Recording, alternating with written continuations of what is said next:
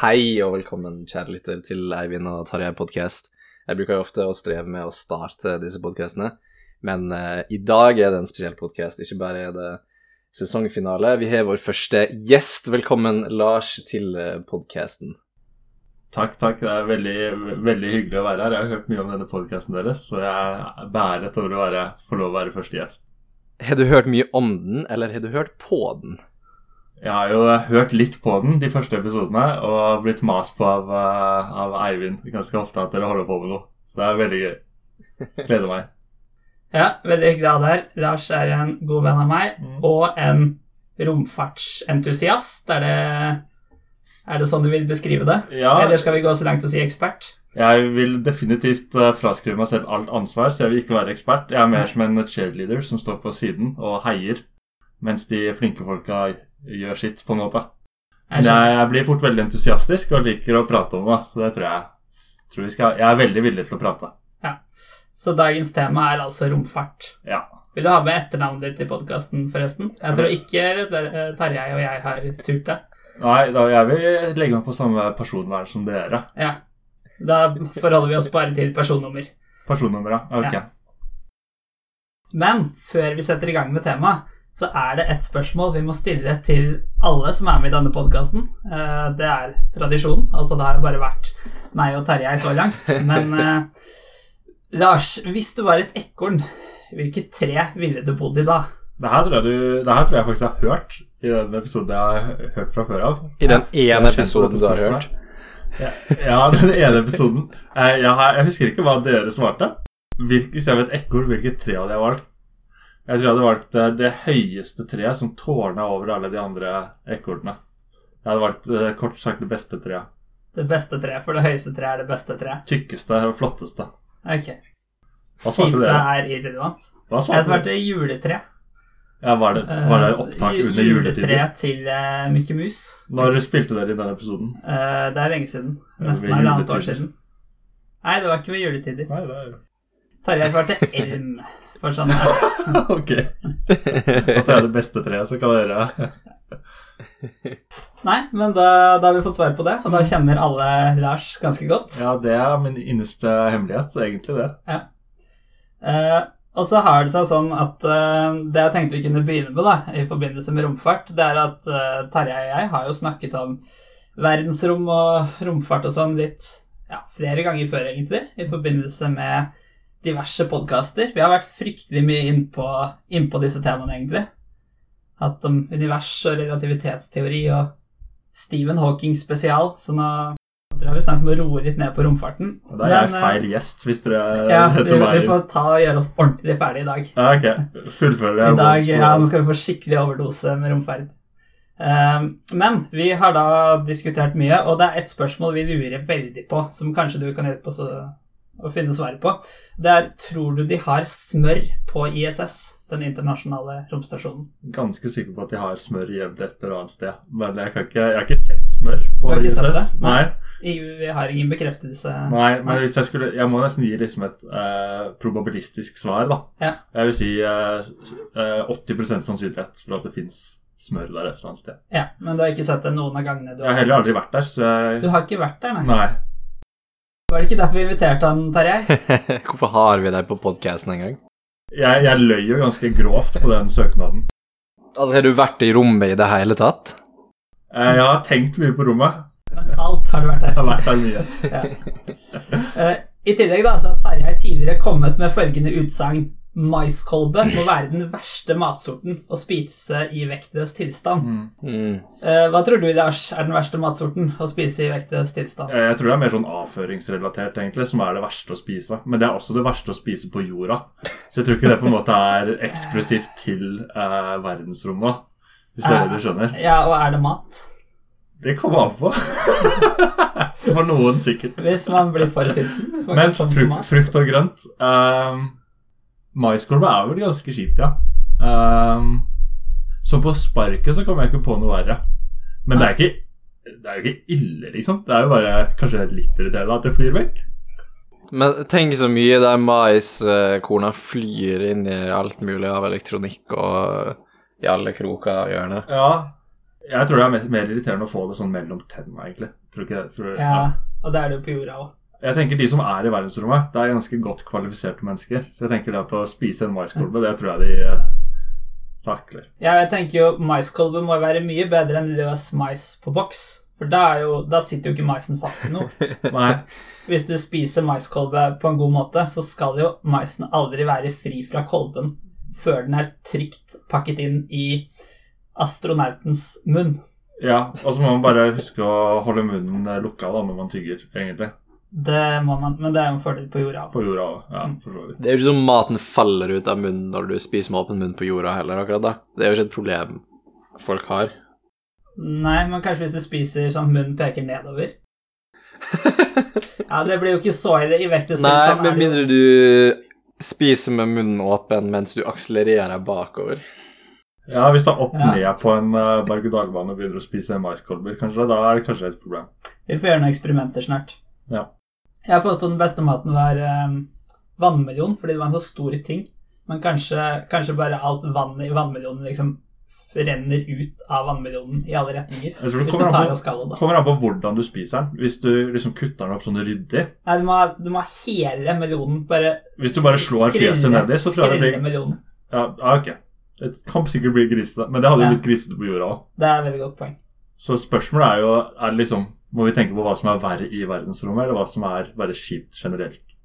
Eh, kanskje det er en fin regel. Det som er kjipt på jorda, er som regel kjipt i verdensrommet òg. Ja, Og- og- Men da er det, da er det litt ikke, Da er det ikke et verdensromrelatert spørsmål fort, da. For da blir det jo bare hva er en kjip matrett? uh, nei. Det. Ja, Okay. fint at dere henter en ekspert. Ja, takk. Vi, vi har fått noen nye input som vi, ikke, om vi fortsatt ikke kan konkludere helt. Nei, men jeg legger meg på maiskolbetoget. Ja. Hvis noen har noe å si om dette, så send oss en mail da, på vitenskapeliggnonsens at gmail.com. Det er en fin e-postadresse, er det ikke det? Jo, jeg tror eh, det er logisk og greit. Ja. Vi kan også reklamere for YouTube-kanalen vår. Det tror jeg ikke vi har gjort før. Det har ikke vært så mye der, men eh, den skal bli kul. Der eh, heter man Man heter kanskje noe på YouTube, men eh, jeg antar vi bare heter Eivind og Terje Vitenskapelig nonsens. Du anda, finnes den YouTube-kanalen her? Den fins. Vi legger ut episodene, og vi skal også Ja. legge ut et klipp og forskjellig sånt. Den blir, eh, den blir kjempekul. Lars liker den veldig godt. Er inne på den hver dag. Ja, det, Det det, Jeg visste ikke at den eksisterte, men eh, det kan hende jeg faller inn der i ny og ne. Ja. Ja. Ja, det visste jo ikke jeg heller, da, så jeg føler du er unnskyldt uh, der. Du visste Ja, ikke men- hva den het engang. Men du har glemt det, Tarjei. Du har visst om den. Det, det kan jo hende, da. Eh, Det er unødvendig å og huske på sånn kunnskap man kan eh, finne i bøker og andre nedskrivde steder. Det har jeg lært av eh, Einstein. Gikk alarmen Det var kaffen min. på romstasjonen du er på. Kaffen din, ja. Har du alarm på kaffetrakteren? Det er imponerende. Ja, Man må kanskje ha sånn når man er i verdensrommet. Som jeg, Ja, da har man dårlig tid. Da må alt være presist. det er lenge siden jeg har sett Tarjei face to face, så det kan godt hende han er på en eller annen romstasjon. en eller annen. Ja, Fins det, fle Eh, finnes det flere rom... Fins det flere romstasjoner? Jeg tror kineserne har eksperimentert med noen. Det finnes jo, for, for, for, for mange år siden så var det jo flere. Da var det jo Skylab og Mir og forskjellige. Men mm. nå er det vel hovedsakelig ISS det går i. Hva skjedde med de eh, romstasjonene? Falt de ned? Problemet med å gå i bane rundt jorda er jo at eh, alt som går der, i hvert fall hvis du er i lav bane, det bremses jo gradvis ned av det lille luft som er der oppe. Så det, alt Mhm. trenger periodiske dytt da, fra, fra romfartøyer for å holde de i bane. Og det som kan skje da, er jo at de bremser så hardt at de faller ned igjen. Det er I hvert fall en sånn stor, eh, et stort objekt som en romstasjon med store solcellepaneler. Det bremses ganske hurtig ned, så de ramler Ja, fort ned. var det det De som får- skjedde med her? Er de, eh, eksisterer de ikke i det hele tatt lenger? Eh, De eksisterer vel i form av eh, frie atomer rundt omkring i jordatmosfæren, tror jeg. Men de brenner Men opp. de har brent opp, liksom? Ja, Den siste store var vel Mir, tror jeg. Den falt vel ned for den. Man trenger ikke å være bekymra for å få sånn i hodet. Nei, de prøver å dumpe alle, time det, da, sånn at de faller ned i et punkt i, i Stillehavet. Ja, Som, uh, da blir det jo ikke noe stille. Nei, i en kort periode så blir det kanskje litt lyd. Ja, mm. Tror ikke de har fått noen klager ennå. Nei, det er bra. Du, eh, Lars, jeg lurer på hvor, eh, hvor kom den eh, fascinasjonen her fra? Hva er det som gjør at du er så rominteressert? Hva er det som er kult da med romfarten, for å stille spørsmålet sånn? Ja, jeg kan starte med hvor fascinasjonen kom fra. Eh, Det er vel som alle mine fascinasjoner, det er at da jeg var liten, så hadde vi diverse blader på do. Så da jeg eh, var barn og kjeda meg på toalettet, så leste jeg i romrelaterte blader, da. Eh, Og det er, vel der det kom fra. Men hva er det som er kult med det? Det er jo på en måte Det er jo det, det, det ukjente, da. Og det er jo det neste steget for menneskeheten på mange måter. Vi har på en måte beseira, eller ja, kommet langt da her på jordoverflaten og utforska mye. Da er det det neste, neste steget videre i mitt, i mitt hode. Jorda har jo hatt eh, liv i flere milliarder år, men det er på en måte i, i vår generasjon hvor vi har hatt muligheten til å ta det videre til andre planeter, potensielt. da. Mm. Hva, hva tror du er realistisk for uh, vår levetid? da? Vil vi se noen lande på, på Mars, for eksempel? Hva er det lengst uh, vi vil se, tror du?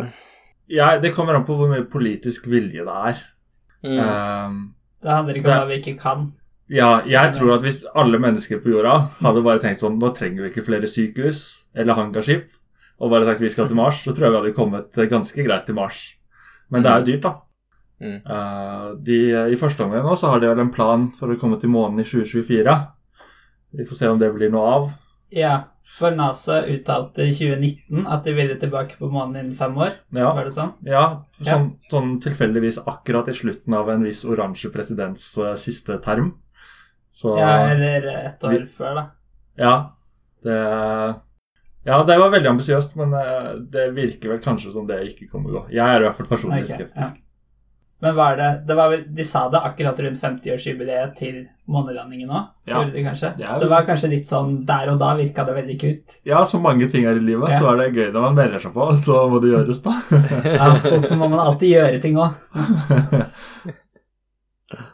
Eh, kan jeg reklamere litt, for Lars har faktisk lagd et eh, hva er det heter? gravitasjonssimulatorspill. Ja, jeg visste ikke at jeg skulle få plugge mine ting, men eh, jeg har en vi gjør det for deg. Jeg har jo en, en YouTube-kanal hvor jeg deler litt av prosjektene mine. YouTube-kanal der også. Nå må vi kutte. Helvete! Sånn, nå blir dette kutta fordi jeg rapa. Spør meg på nytt, Eivind. Lars XYZ? Hæ? Heter den Lars XYZ? Nei, den het det før. Nå tror jeg den bare heter Lars. Men jeg skjønner jo at det er ekstremt lite søkbart på internett, så jeg må jo kanskje finne noe nytt. Men søk på gravitasjonssimulator, Ja. så kanskje det dukker opp. Jeg vet da. Jeg har liksom ikke optimalisert den kanalen min for at den skal være tilgjengelig. Det er mest Er det på norsk, eller eh, Eh, Hva skal jeg søke på? Nei, det er på engelsk. Jeg skal, jeg skal slå på mobilen. jeg Så altså, det er ikke Fysikk med Eivind, episode 36. Hvordan virker gravitasjonen? Med Eivind, var det det du sa? Ja, det er det som står her. Jeg søkte på Skal vi se Jeg søkte på YouTube. Lars gravitasjonssimulator var det jeg søkte på eh, på Google, og da fikk jeg første treff. Fysikk med Eivind. Ja, jeg dopa deg ned om dagen Ja, fikk deg med. Det er Ja, hva vil du kalle det? Se den der. Hva lurer du på? Det, Tittelen på videoen heter Gravity Simulator versjon 1.0 trailer. Hvis vi husker det når denne episoden blir lagt ut, så kan vi legge ut en tweet. Men uh, Ok, jeg fant den, tror jeg. La meg se den videoen Ja. her. Nå ser jeg det er en fyr her som spør om jeg kan legge den ut på Mac. Og jeg kan bare si det til deg. Vent, da skal jeg se hva han het. Space Sucks Official. Beklager, jeg kommer ikke til å legge det ut på Mac. Hva, hva har du laga det her med eller i? Hva det, er, det er skrevet i? Det er skrevet i C++, eh, og så har jeg brukt et eh, grafikkbibliotek som heter SFML. Til, eh, det er vel en rapper rundt OpenGL, tror jeg. Mm. Er, eh, hvordan eh, fungerer simuleringa? Er det, er det live, eller er det forhåndscomputer, altså du rendrer det? Nei, det er live. Det er en eh, Det er vel bare forward oiler-integrering. Det er den enkleste og raskeste og minst nøyaktige numeriske integrasjonsmetoden Ja. som ligger i bunnen der. Ikke sant? Eh, Jeg, jeg, skrev det, jeg skrev det prosjektet der i, i første klasse på universitetet, da jeg lærte meg C++. Ja. Så den kildekoden der er kanskje det verste kildekoden noensinne. Den er tilgjengelig på githuben min, så dere kan bare slå, slå det opp. Ja, Så dere greit. det virka mye mer imponerende hvis du bare sa 'jeg skrev det i første klasse'. Ja, ja. Det er litt viktig å påpeke at det er for studenter, ja. Det kommer an på hva som er målet. Hvis du vil være faktadrevet. Men det er vi veldig imot her i denne podkasten. Vi lever i en verden hvor man ganske lett kan faktasjekkes, så jeg er veldig interessert i å virke fakta riktig, ja.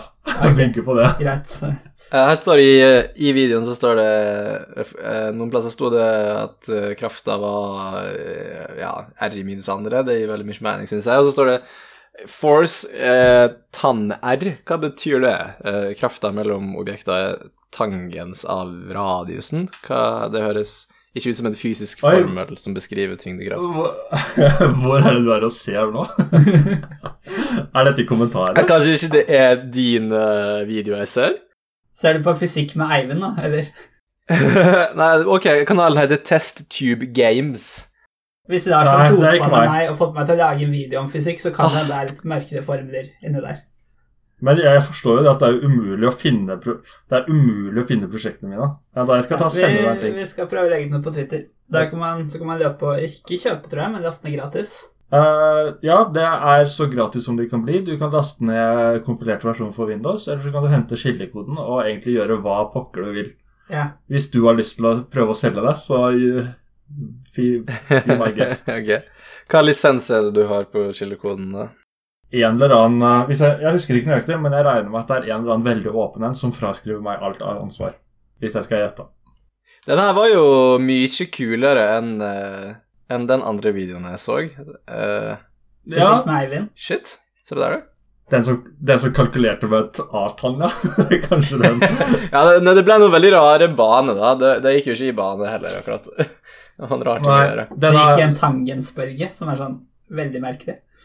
Denne eh, den, den er jo på en måte lagt over som en, en sånn sandboks, da, som en, en, eh, hva det heter på norsk, sandkasse. Bare kan legge, seg, legge Ja. til planeter og stjerner og Kjøre romskip, lage sorte hull, Ja. skape liv. lage, lage solsystemer og skape liv. Det er sånn vanlig spillopplevelse, egentlig. Det er ikke et spill før du kan er- skape syntetisk liv og Men kommer det til Xbox? eh, Som sagt, så er åpen kildekode, så hvis du vil ha det til Xbox, så får du lov til å gi det til nei, Xbox. men jeg har ikke noe Xbox, da. Så vi må Nei. skaffe meg det òg. Nei, det er på en måte høres ut som et personlig problem. Ja, det er en av de store personlige problemene jeg har. Mm. Eh, Jeg tenkte vi kunne begynne litt med å snakke om romkappløp, da. Der det startet. Ja. Romfart er jo ikke noe som har eksistert så veldig lenge.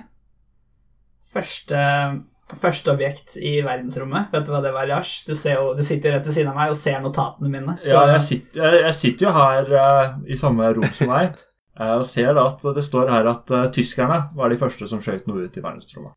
Her står det tyske MW18014. Jeg regner med at det var en variant av V2-missilen deres. det tror jeg stemmer. Ja, Men det kan jo også bety at de da har prøvd 18 013 ganger før de fikk det til. Sånn tolker jeg det, i hvert fall. ja, De klarte det i 1944, og definisjonen på å ha nådd verdensrommet, i hvert fall den de brukte da, for det passa dem sånn at de ble først, da, det var å si at det er å være 100 km over havet. det brukes vel Mm. fortsatt, så det heter vel Karman-linja, tror jeg. Ja, det høres kjent ut. Mm. Så jeg prøvde da å lage en liten sånn tidslinje da, over hva som skjedde under tidlig romfart. Eh, og da ble det veldig mye fokus på dyr i verdensrommet. Eller så, Jeg vet ikke om Mm. det var kildene jeg brukte som hadde det, eller om det mer var jeg som filtrerte ut det med dyr. Det ble i hvert fall veldig, veldig mange av punktene som handler om dyr i verdensrommet. Og siden Lars ser notatene mine, så kan jeg jo spørre deg, Tarjei. Hva tror du var det første dyret i rommet? Jeg trodde jo det var hunden Leika, men eh, det var kanskje noe enda tidligere. Jeg vil si det er et fair svar, men det var bananfluer på amerikanske V2-raketter i 1946.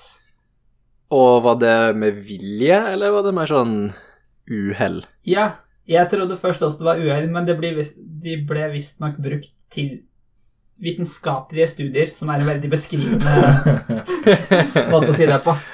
For Hva, hva driver du med? Vitenskapelige studier. Det er litt gøy at de sier amerikanske V2-raketter, for det var vel opprinnelig tyske V2-raketter, så tapte de krigen, og så ble det amerikanske V2-raketter. Så det er ikke gjett, Da da. var de amerikanske. Vi skal kanskje ikke klage på at folk bruker ord vitenskapelig når vi har det i podkasten vår. Ja, dere har ikke svært beskrivende navn, dere heller. Nei, vi dekker på en måte nesten alt ved å ha vitenskap og nonsens. Ja. Så det er litt motsigende, kanskje. Ja, det, Ja. Kom, eh, kom Laika noen gang ned igjen? Det veit kanskje du, Lars? Eh, jeg vet at den eh, døde eh, i verdensrommet. Okay. Den, alt, alt som går i lav bane i jorda, i hvert fall på den tida, regner jeg med. De aller fleste, aller fleste tingene som ble skutt opp på den tida, har ramla ned igjen. Med mindre de Ja. Ja. ble sendt langt ut eller har en spesiell bane. Så Mm. den har nok kommet ned igjen nå. Akkurat når, vet jeg ikke. Men, men eh, den døde i verdensrommet, og det var liksom planen. Der bare skjøt den opp og ja. fire and forget, på en måte. Ja, det var, Nå vel har vi hatt en hund i verdensrommet. det var vel noe problem med noe klimastyring, tror jeg.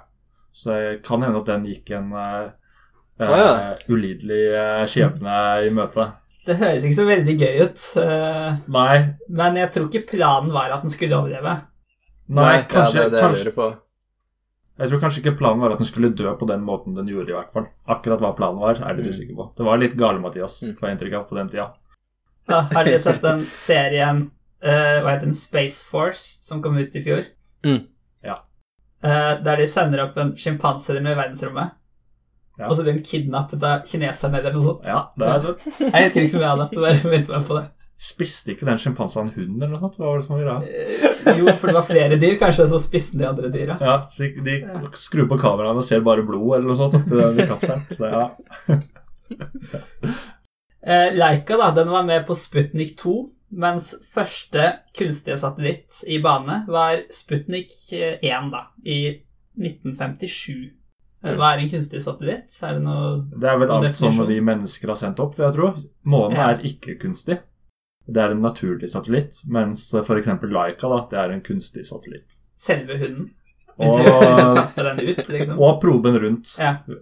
Men Må den kunne gå i bane eller noe, eller er det bare noe menneskeskapt i outer space? Uh, jeg, jeg er ikke helt sikker på definisjonen av en satellitt, men jeg skulle, skulle ikke forundre meg om det var et krav at den gikk i bane. Hvis ikke så hadde jo vel den tyske greia vært eh, den første satellitten som ble skutt opp på 40-tallet. Ja, men her står det at Sputnik var første kunstige satellitt i bane, så det kan hende det var andre Ah, ja. kunstige satellitter som ikke gikk i bane. Ja, Det Hvis kan er også hende at det bare noen skrev en setning og ikke tenkte nøyaktig over hva Som vanlig har jeg stort sett brukt Wikipedia, så stol vet? på meg. Var det norske Wikipedia? uh, det husker jeg ikke. Det kan fort være. Ja, Da er det færre som tuller med den, da. ja men vi ja, Jeg kan ikke arrestere han, for jeg vet ikke. De første dyrene som overlevde en tur i verdensrommet, var to russiske hunder som het Belka og Strelka. Det rimer, og det er jo fint. Altså overlevde i den forstand at de kom ned igjen trygt også. De kom ned igjen og kunne fortsette livet sitt som om det aldri hadde skjedd, Hmm. tror jeg. I 1960. Det må ha vært en sjuk opplevelse for de hundene. Hva faen tror du de tenker? Nei, det De har jo litt å fortelle om på, På hunsk. på Det Ja, var mye bjeffing da de kom tilbake. Ja, det må ha vært litt av, litt av en sak. Mens første dyr til å fly rundt månen, det var selvfølgelig skilpadder på sovjetiske Sond 5 i 1968. De har vært verdens raskeste skilpadder. De, Ja. de kunne jo sikkert slått den haren uten at den tok seg en lur. Ja, Det er vanskelig, vanskelig å slå de hastighetene der på naturlig vis for en skilpadde, vil jeg tro. Ja. Gepard, liksom. Det er noe annet, men eh. Det var det jeg hadde om dyr. Hva er forskjellen på en astronaut og en kosmonaut? Det er vel uh, nasjonaliteten til, uh, til personen som blir skutt opp i rommet. Det er litt interessant, for uh, amerikanerne har jo leid seter på uh, Soyuz-kapselen i flere år nå, etter de pensjonerte romfergene sine. Og da ble de skutt opp fra Russland. Men de er ikke kosmonauter av den grunn, de er fortsatt astronauter, fordi de er amerikanske, eller de okay. hører til den organisasjonen. Hva hvis det er en britisk astronaut? Jeg tror- jeg- jeg tror-? Jeg tror det er opp til på en måte hver enkelt nasjonalitet hva de Ja. ønsker å kalle det. Så hvis britene har lyst til å kalle det noe annet, så tror jeg de får lov. Men det er ikke på individnivå? Nei, med mindre du er ord, så statsminister, naut. Ja. så tror jeg ikke det er Statsministeronaut. Det, det er vært noe. Ja, hva ville vi i Norge ha kalt, uh, kalt romferdnaut? Nei, men det, der er vi egentlig Vi er jo egentlig åpne for ideer, så du må nesten bare komme med et forslag. Send inn til vitenskapeliggnonsens så kan vi sende det videre til, til regjeringen. Til naut.no.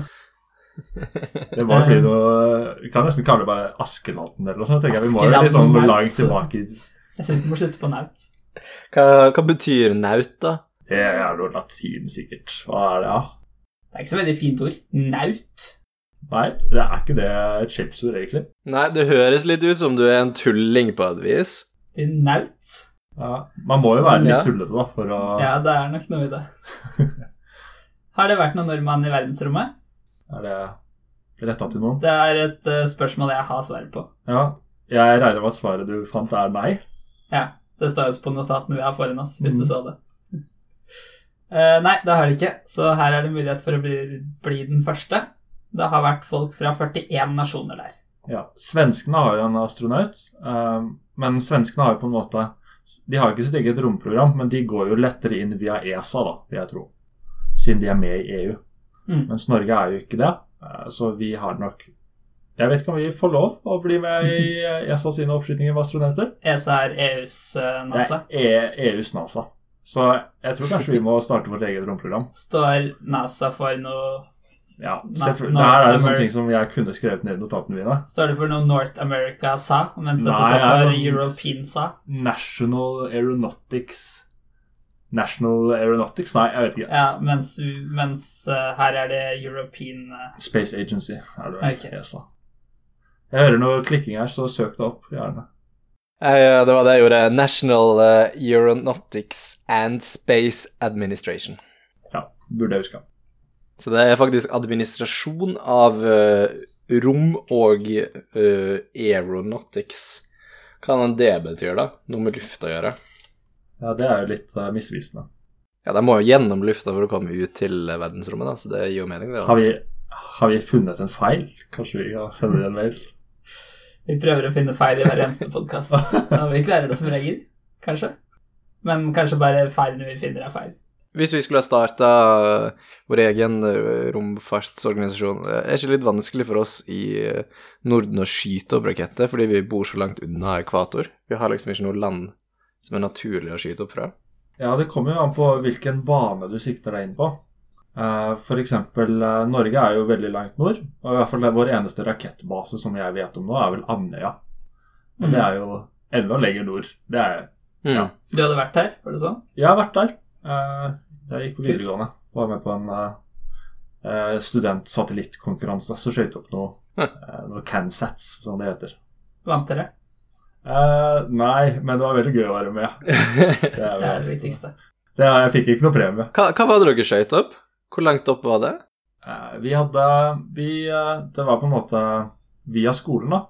Så hadde vi som prosjekt å lage en liten satellitt eh, som vi bygde på en Arduino. Bare med GPS og med temperatur og trykk og en haug med sensorer. Og så logge det, putte det inn i en brusboks, feste en fallskjerm, og så skyte den opp og prøve å tracke den da via radioen når den faller ned, og få live data.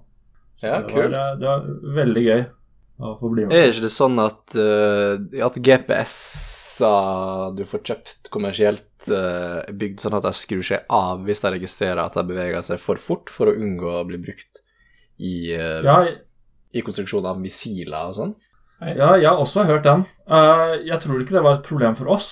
Uh, Gikk ikke så fort. jeg, det gikk jo ganske fort med rakettene. raketten. da. Det var jo et strengt tatt et missil.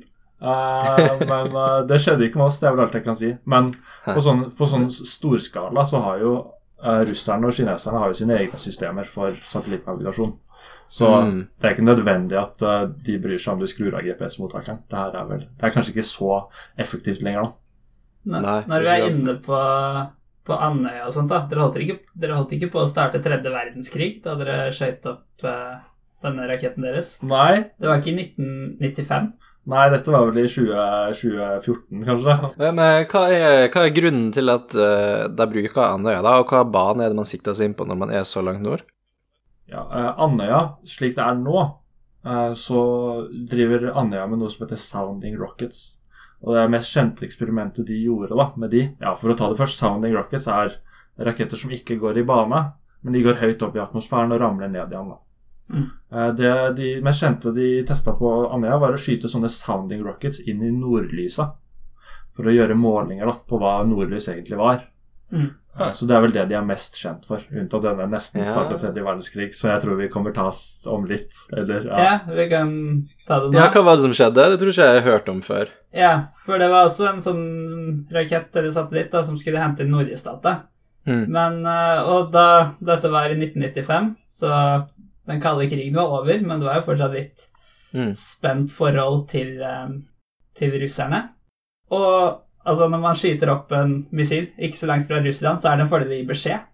Og det hadde de da tydeligvis gjort, men den hadde ikke kommet fram. Litt klønete å ikke sjekke det, kanskje, men det er kanskje noe som skjer veldig ofte.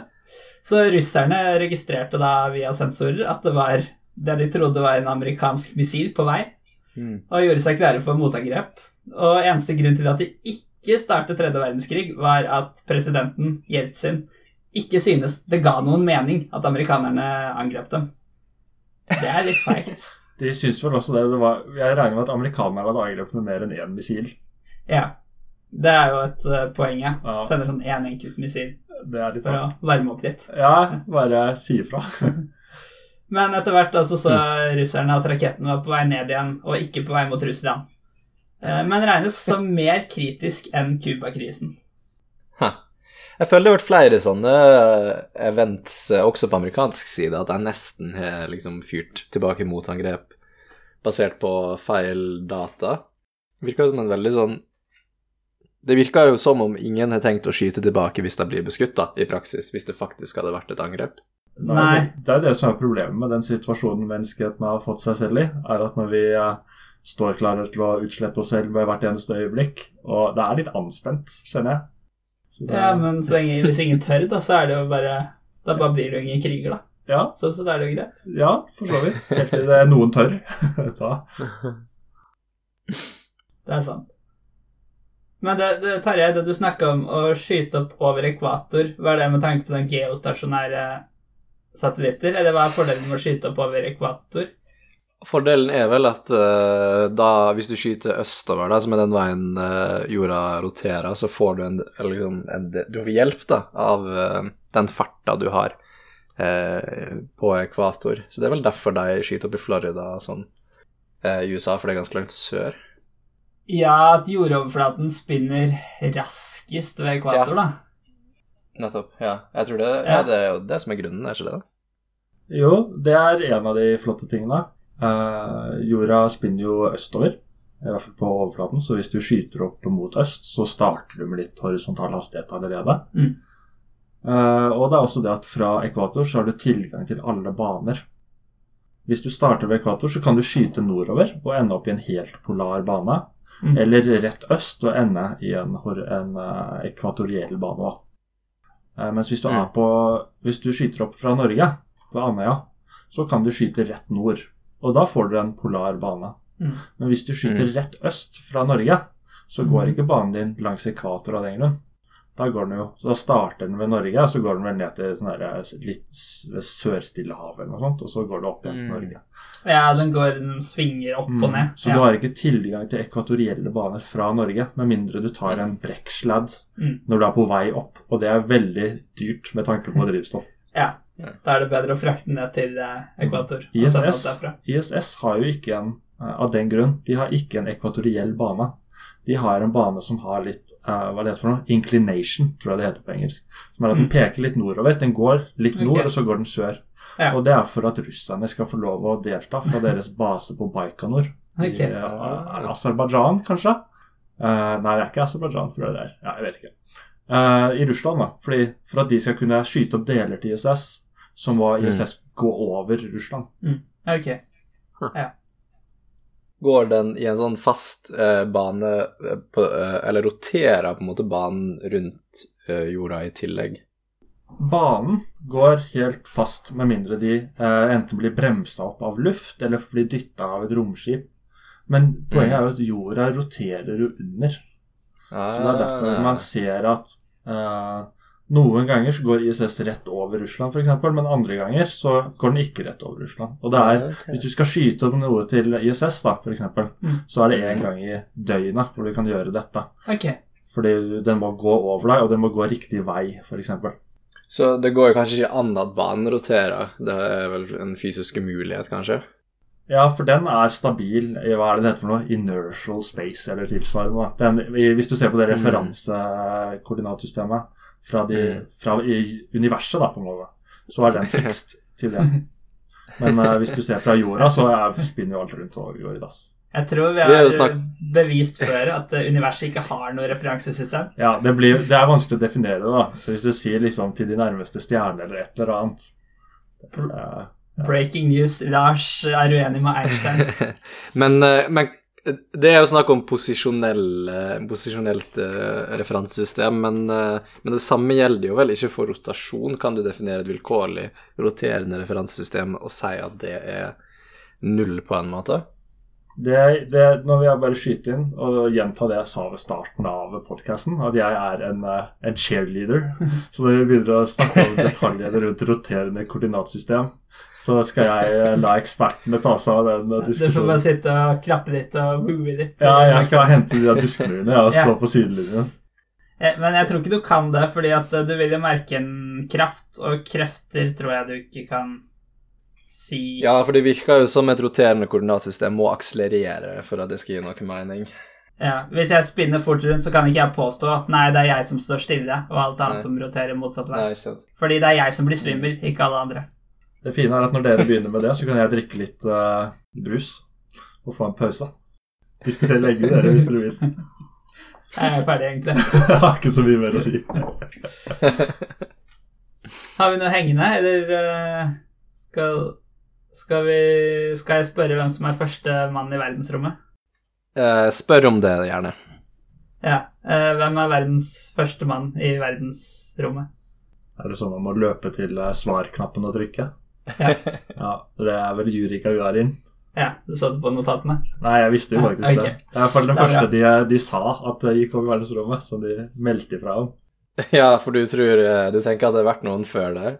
Nei, det, skal det er de, nei, konspirasjonsteorier man tenker på da, og det tror jeg ikke. Jeg tror De Yuri Gagarin- Vikingene erobra jo veldig store områder, da, så man vet jo aldri. Men eh, Nei, At de kanskje erobra verdensrommet også. ja, det var Ja. veldig blodig. Ja. Kanskje når vi lander på månen i 2024, så ser vi et langskip liggende der. ja.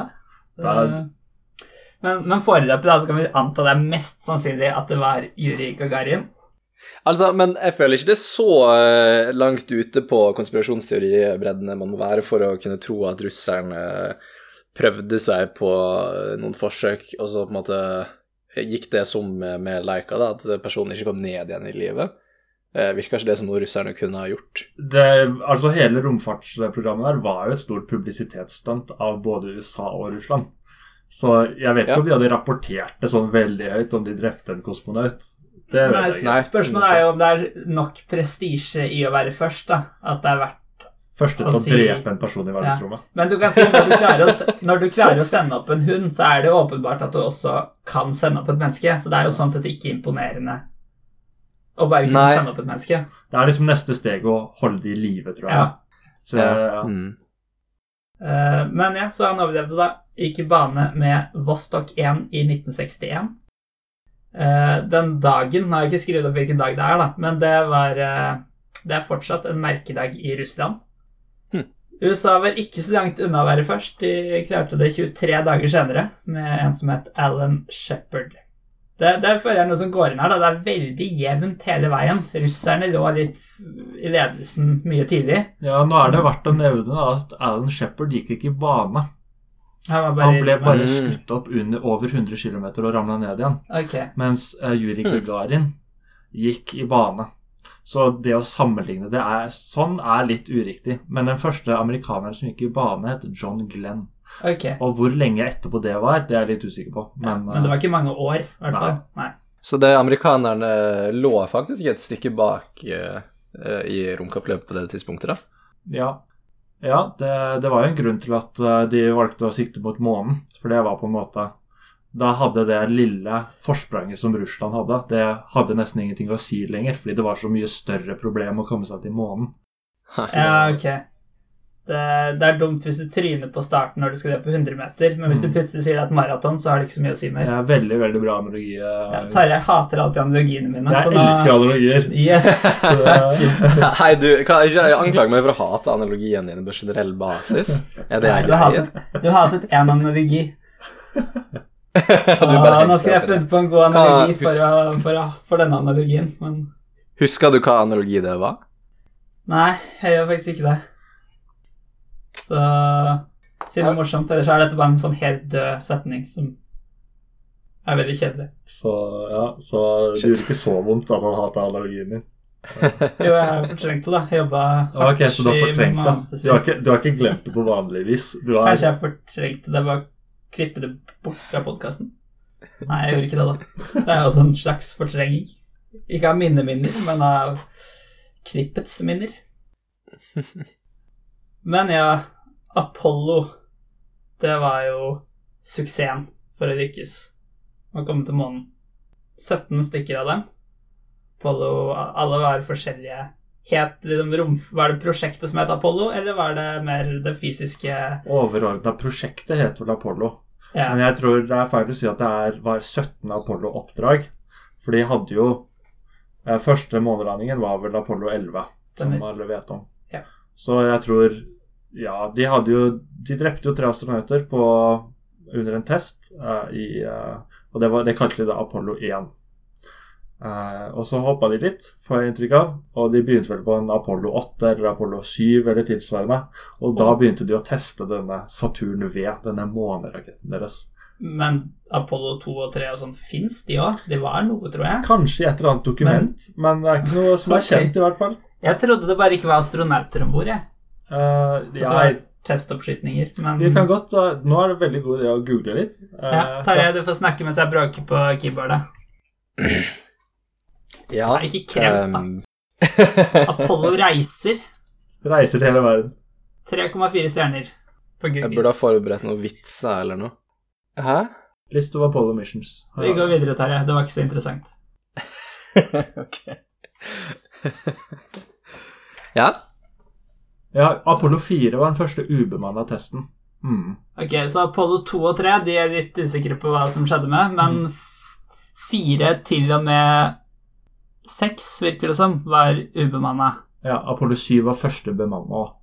Ja, men én var også bemanna, men den bare sprengte ved Ja, men det var bare en test Nei. på launchpaden. Det var vel kanskje de som eh, døde av eh, De fylte Eller de brukte rent oksygen til å fylle kapselen, og så brant de opp. Ja, det var mange tabber involvert i de dødsfallene der. Det var vel både dette med, med oksygenatmosfæren, og det at døra f.eks. bare kunne åpnes én vei, så de kunne ikke hjelpe dem fra utsiden. Det var noe slikt. Mm. Eh, Så når det først begynte å brenne der, så brant det som bare rakkeren i denne atmosfæren, og de kom seg ikke ut. Og de eh, Mm. ja, Det er på en måte greit å bare gjøre alle tabbene på en gang. Da, ja, bli kvitt de, igjen. Det, det førte jo til, det førte jo til enorme redesigner på hele systemet. Mm. Så det, på en måte så så var det jo ja, Det er jo ikke fint å ofre tre liv, men, på en måte, men de fikk jo noe uthold. da, på en måte. Ja, så Apollo 11 var første på månen, og så bestemte de seg vi gjør det noen flere ganger, så da landa 12 på månen. 13 prøvde, feila, men astronauten overlevde. Det er det jo en ganske kjent film om. Tror du noe av problemet var at de brukte skuespillere i stedet for astronauter, kanskje? Ja, Å ha med et helt filmteam opp, det var litt... Ja, det ble litt tungt, kanskje. Ja. Så klarte de det, da, igjen med 14, 15, 16 og 17. Og så sa de nei, nå venter vi 50 år til vi gjør det neste gang. 50 pluss. Det er på en måte ikke noe vits å gni det inn mer til eh, russerne, da, for de landa vel aldri bemanna på månen. Jeg føler de innrømmer litt hvor lite det var å finne på på månen, da. Ja, det, det var jo på en måte et publisitetsstunt, og de hadde vunnet, og da mista de litt eh, viljen fra eh, politikken, da. Og det er jo ofte det som styrer uh, bemanna romfart, er at det er så dyrt ofte. At du må ha stor vilje i eh, både regjering og diverse etater for å få det til. Men de lærte jo sikkert enormt mye av det, da. Ja. Uh, første månelandingen var jo da i 1969, siste var i 72, kanskje? Ja, jeg tror det stemmer. Men så glemte også amerikanerne hvordan de lagde disse Apollo-rakettene, stemmer ikke det? Sånn mer eller mindre. Det er jo litt satt på spissen at de glemte det. Uh, men jeg, sånn jeg har inntrykk av det, disse var vel F1-rakettene deres, da. Som var de store som eh, De brukte fem av de på bunnen av denne Saturn 5. Og de var jo basically håndlagd. Saturn Det var- 5 var den de dro til månen. Ja, måneraketten. Ja. De var basically håndlagd, og de var eh, Det var ikke samme dokumentasjonssystemer som vi har nå til dagen. Mm. Og disse håndverkerne som lagde det, Ja. det var nesten one of a kind. Så de har, det er helt rett at, eh, at, ikke de, at ikke de vet hvordan de skal lage det lenger, da. men det er veldig satt på spissen. Det var et team som lagde de, og de, de pensjonerte seg og fortalte det på en måte ikke videre. Nei, også Hvis man skulle lagd en tilsvarende rakettmotor nå, Ja. så tror jeg den ikke hadde vært håndlagd på samme måte. Men det, de har sikkert kanskje funnet en løsning på det nå, men det som var problemet i lang tid, var at de rista i stykker. Var det ikke sånn? Da de på en måte prøvde å lage noe tilsvarende. Ja, De hadde jo problemer med denne F1-en også, under utvikling. Ja, okay. Mm. Eh, for å si veldig detaljert om det, så må jeg nesten bygge meg på noen skilder, for Ellers så blir det bare babbel. Bare kast ut noen påstander. Ja, det, det blir pinlig. Ja. Det er vel egentlig det meste om romkappløpet. Har du noe spennende å legge til, Lars? Eller Tarjei? Ja, det, var, det er på en måte det stoppen av slutten av det romkappløpet som vi kjenner det. da. Etter, eh, etter 1972 så gikk fokuset mer over på eh, eh, romstasjoner. Da begynte de med Skylab, eksempel, som var en av de første. Og så bygde de videre derfra, da. Og så ender vi opp med ISS, som vi har nå. Mm. Eh, Men vi har vært, eh, vi har, sånn bemanna romfartsmessig så har vi vært eh, stuck i lav bane i mange, mange år nå. Så det er jo først nå, med utviklingen av Orion-fartøyet deres og SLS og alle disse andre nye romskipene deres, at de begynner å få øynene opp for resten av solsystemet igjen, da. Mm. Hvor, eh, ja Skal vi gå litt over på hva som er status i dag? Ja, jeg har uh, forberedt en liten liste til dere. Uh, dere hører kanskje noe kladring i ark. Uh, dette er mine notater. Eivind ble litt svett han så alle notatene mine før innspilling her. Men ja, det er basically 2020 var et kjipt år for mange. Men romfarten stopper aldri. Så jeg tenkte vi kunne gå igjennom litt av hva som skjedde i 2020. Prøve å Sånn romfartsmessig så var det et ganske bra år. Så jeg tenkte å prøve å f- eh, fremvise det litt. Hva tenker dere om det? Det høres bra ut. Ja. Ja, kult. Eh, Jeg har en hel haug med notater her. Men vi kan starte med noe av det kuleste. La oss gjøre det. Ja. Vi kan ja, ta det, det er i hvert fall eh, det er mest hype rundt da, i mange kretser. Det er SpaceX. Mm. Uh, og ikke bare de Dragon-fartøyene som de har nå, som er de små kapslene som de har begynt å sende opp og ned til ISS, men også deres eh, neste generasjons romfartøy, som heter Starship. Eh, og det er eh, De har kjøpt et, eh, et stort område nede i Texas, i et område som heter Boca Chica. Eh, og det er der de har satt opp dette testfasilitetene sine, da.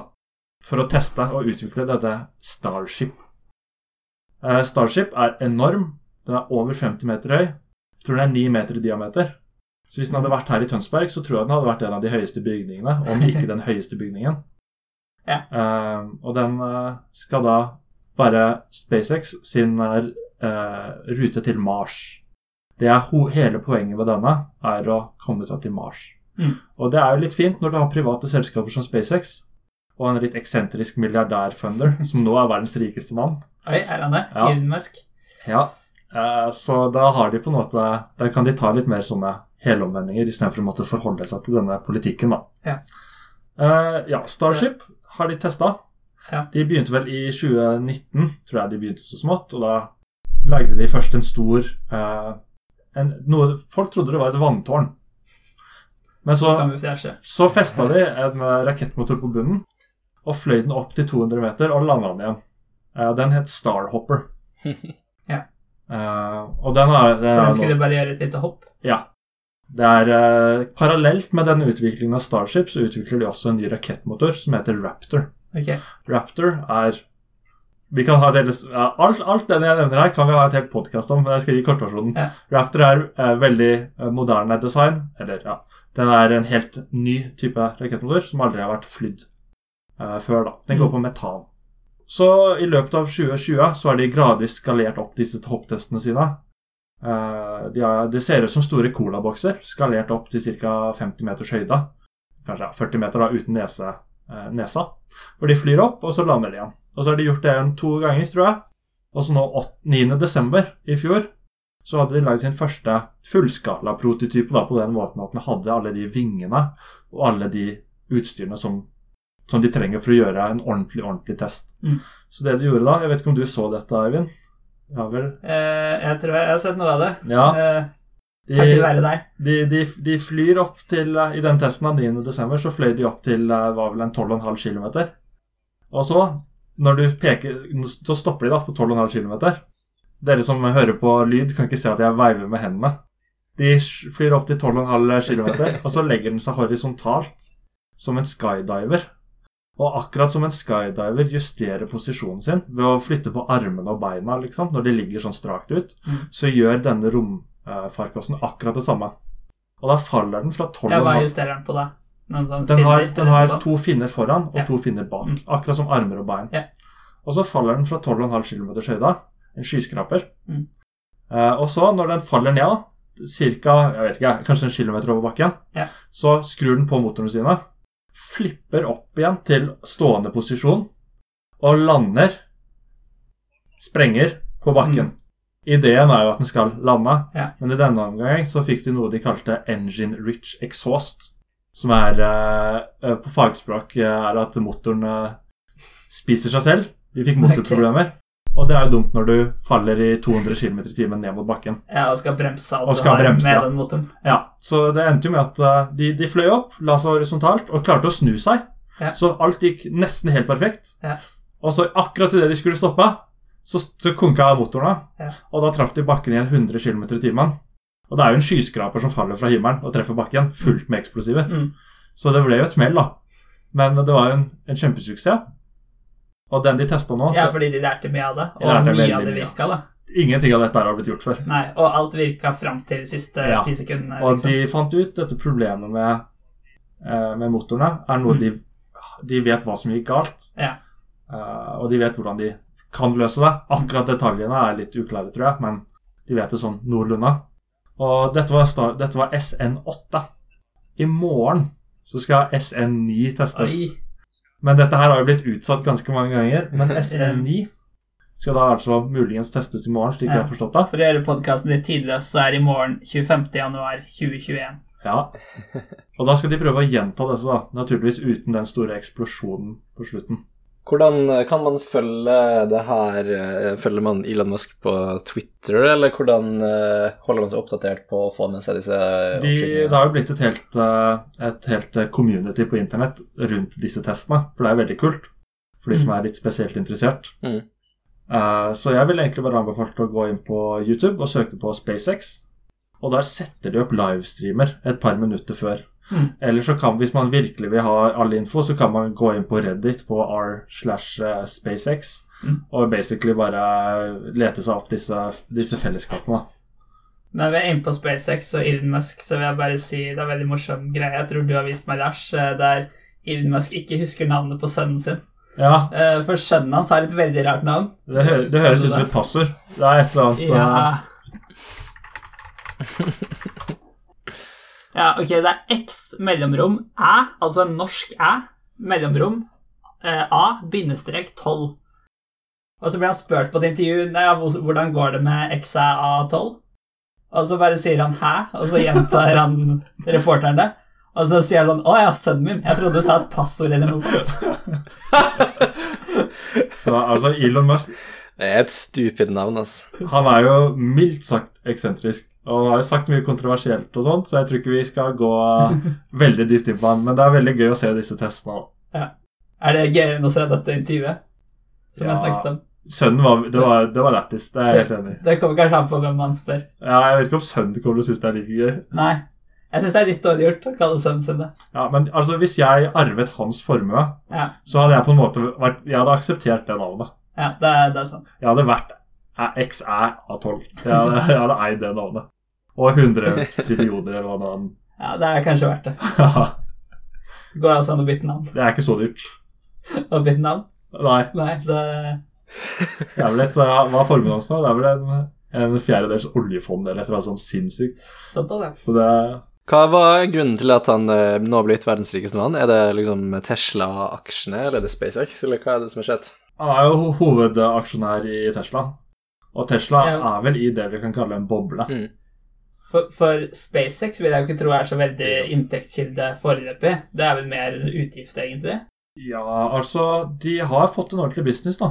Ja. Og SpaceX er eh, ja, hva er det de ble evaluert til sist? 50 milliarder dollar eller noe sånt. Okay. Så man skal ikke kimse av det heller, liksom. Bør man kjøpe aksjer i SpaceX? Det kan man ikke ennå, fordi det er et privateid selskap. Og det ville jeg gjort, for jeg hadde kjøpt masse aksjer i SpaceX.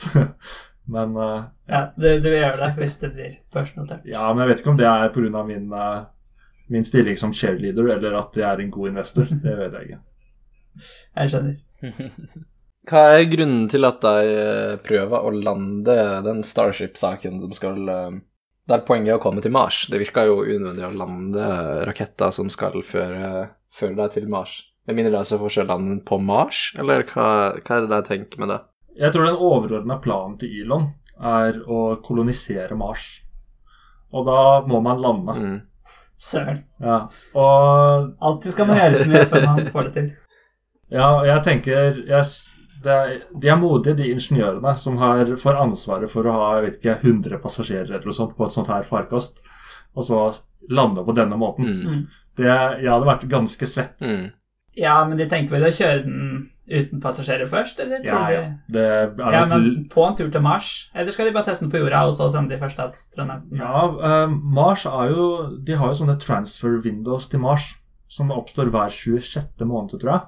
Og ett Nei, av, det de, seg rundt det. ja, et av de var nå i sommer. Mm. Og neste blir vel i 2022-2023 en eller annen gang. Ja, Så det er sånne periodiske hopp, da. Skjønner. Så planen hans er vel å sende noe ubemanna i 2026. Jeg er litt usikker på akkurat de årene. Og, Ja, og det er jo da med at jorda og Mars går på en måte uavhengig av hverandre rundt sola, så noen ganger er de på motsatt side av sola, og da Mm. blir veien fem ganger så lang, kanskje? Eller Ja, de, de, de mest effektive, eller det mest populære måten for, sånt, eh, for en reise fra jorda til Mars, f.eks., er noe som heter et Hoffman transfer. Og det er, da trenger man en sånn geometrisk stilling da, mellom planetene for at det skal gå opp. Ja, for du vil liksom ikke at de skal være rett ved hverandre heller, Nei. tror jeg, for det er noe sånn ja, Det skal bli en fin bane, da. Romskipet ditt bruker jo en tre måneder, eh, fire måneder, fem måneder på å komme seg dit. Litt Ja. avhengig av alt, egentlig. Ja. Eh, så du må på en måte sikte der Mars kommer til å være. Ikke der Mars Ja. er nå. Så du må sikte du må, Om tre måneder, hvor er Mars? Ok, da må vi treffe der. Og du er jo ikke Du er jo på jorda også, som snurrer rundt, så det er jo en del kompliserende faktorer her.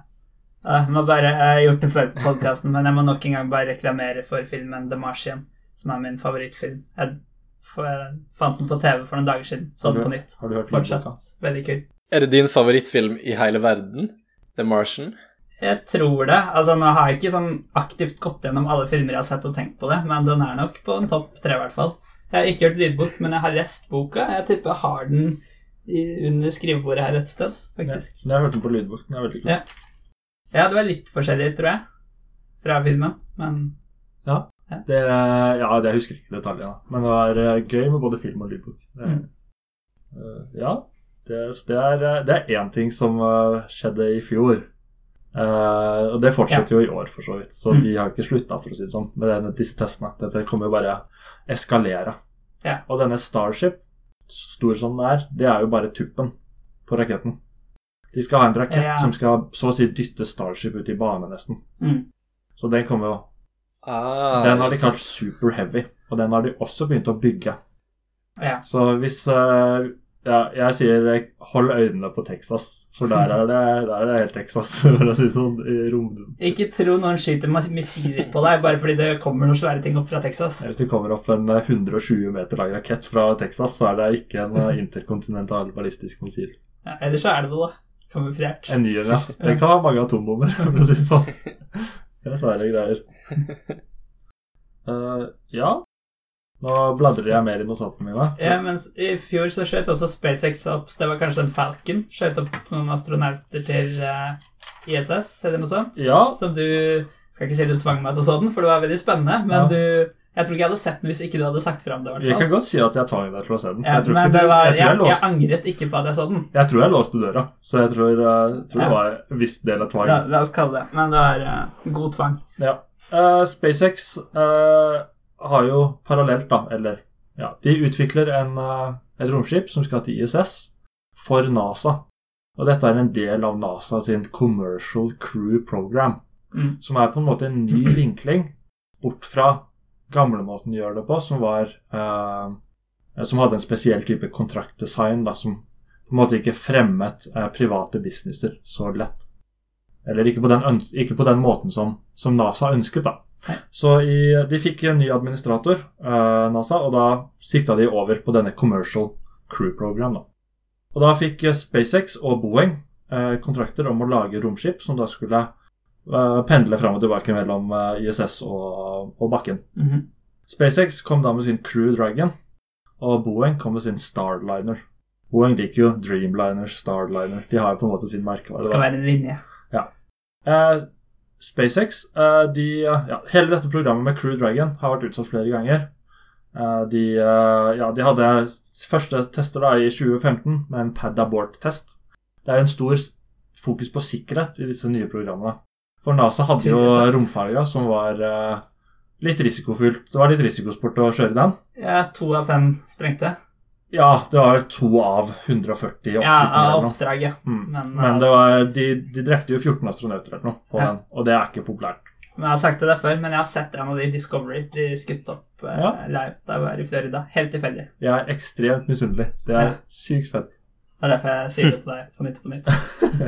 Eh, første første fullskala-demo, om du vil kalle det det, det var demo 1 i 2019. Da sendte de opp en ubemanna versjon av denne og dokka med ISS og, bare, og kom tilbake igjen. Viste at alt fungerte. Mm. Eh, så i, eh, Når de skulle teste denne farkosten, når den hadde kommet tilbake fra ISS, så sprengte hele greia på bakken.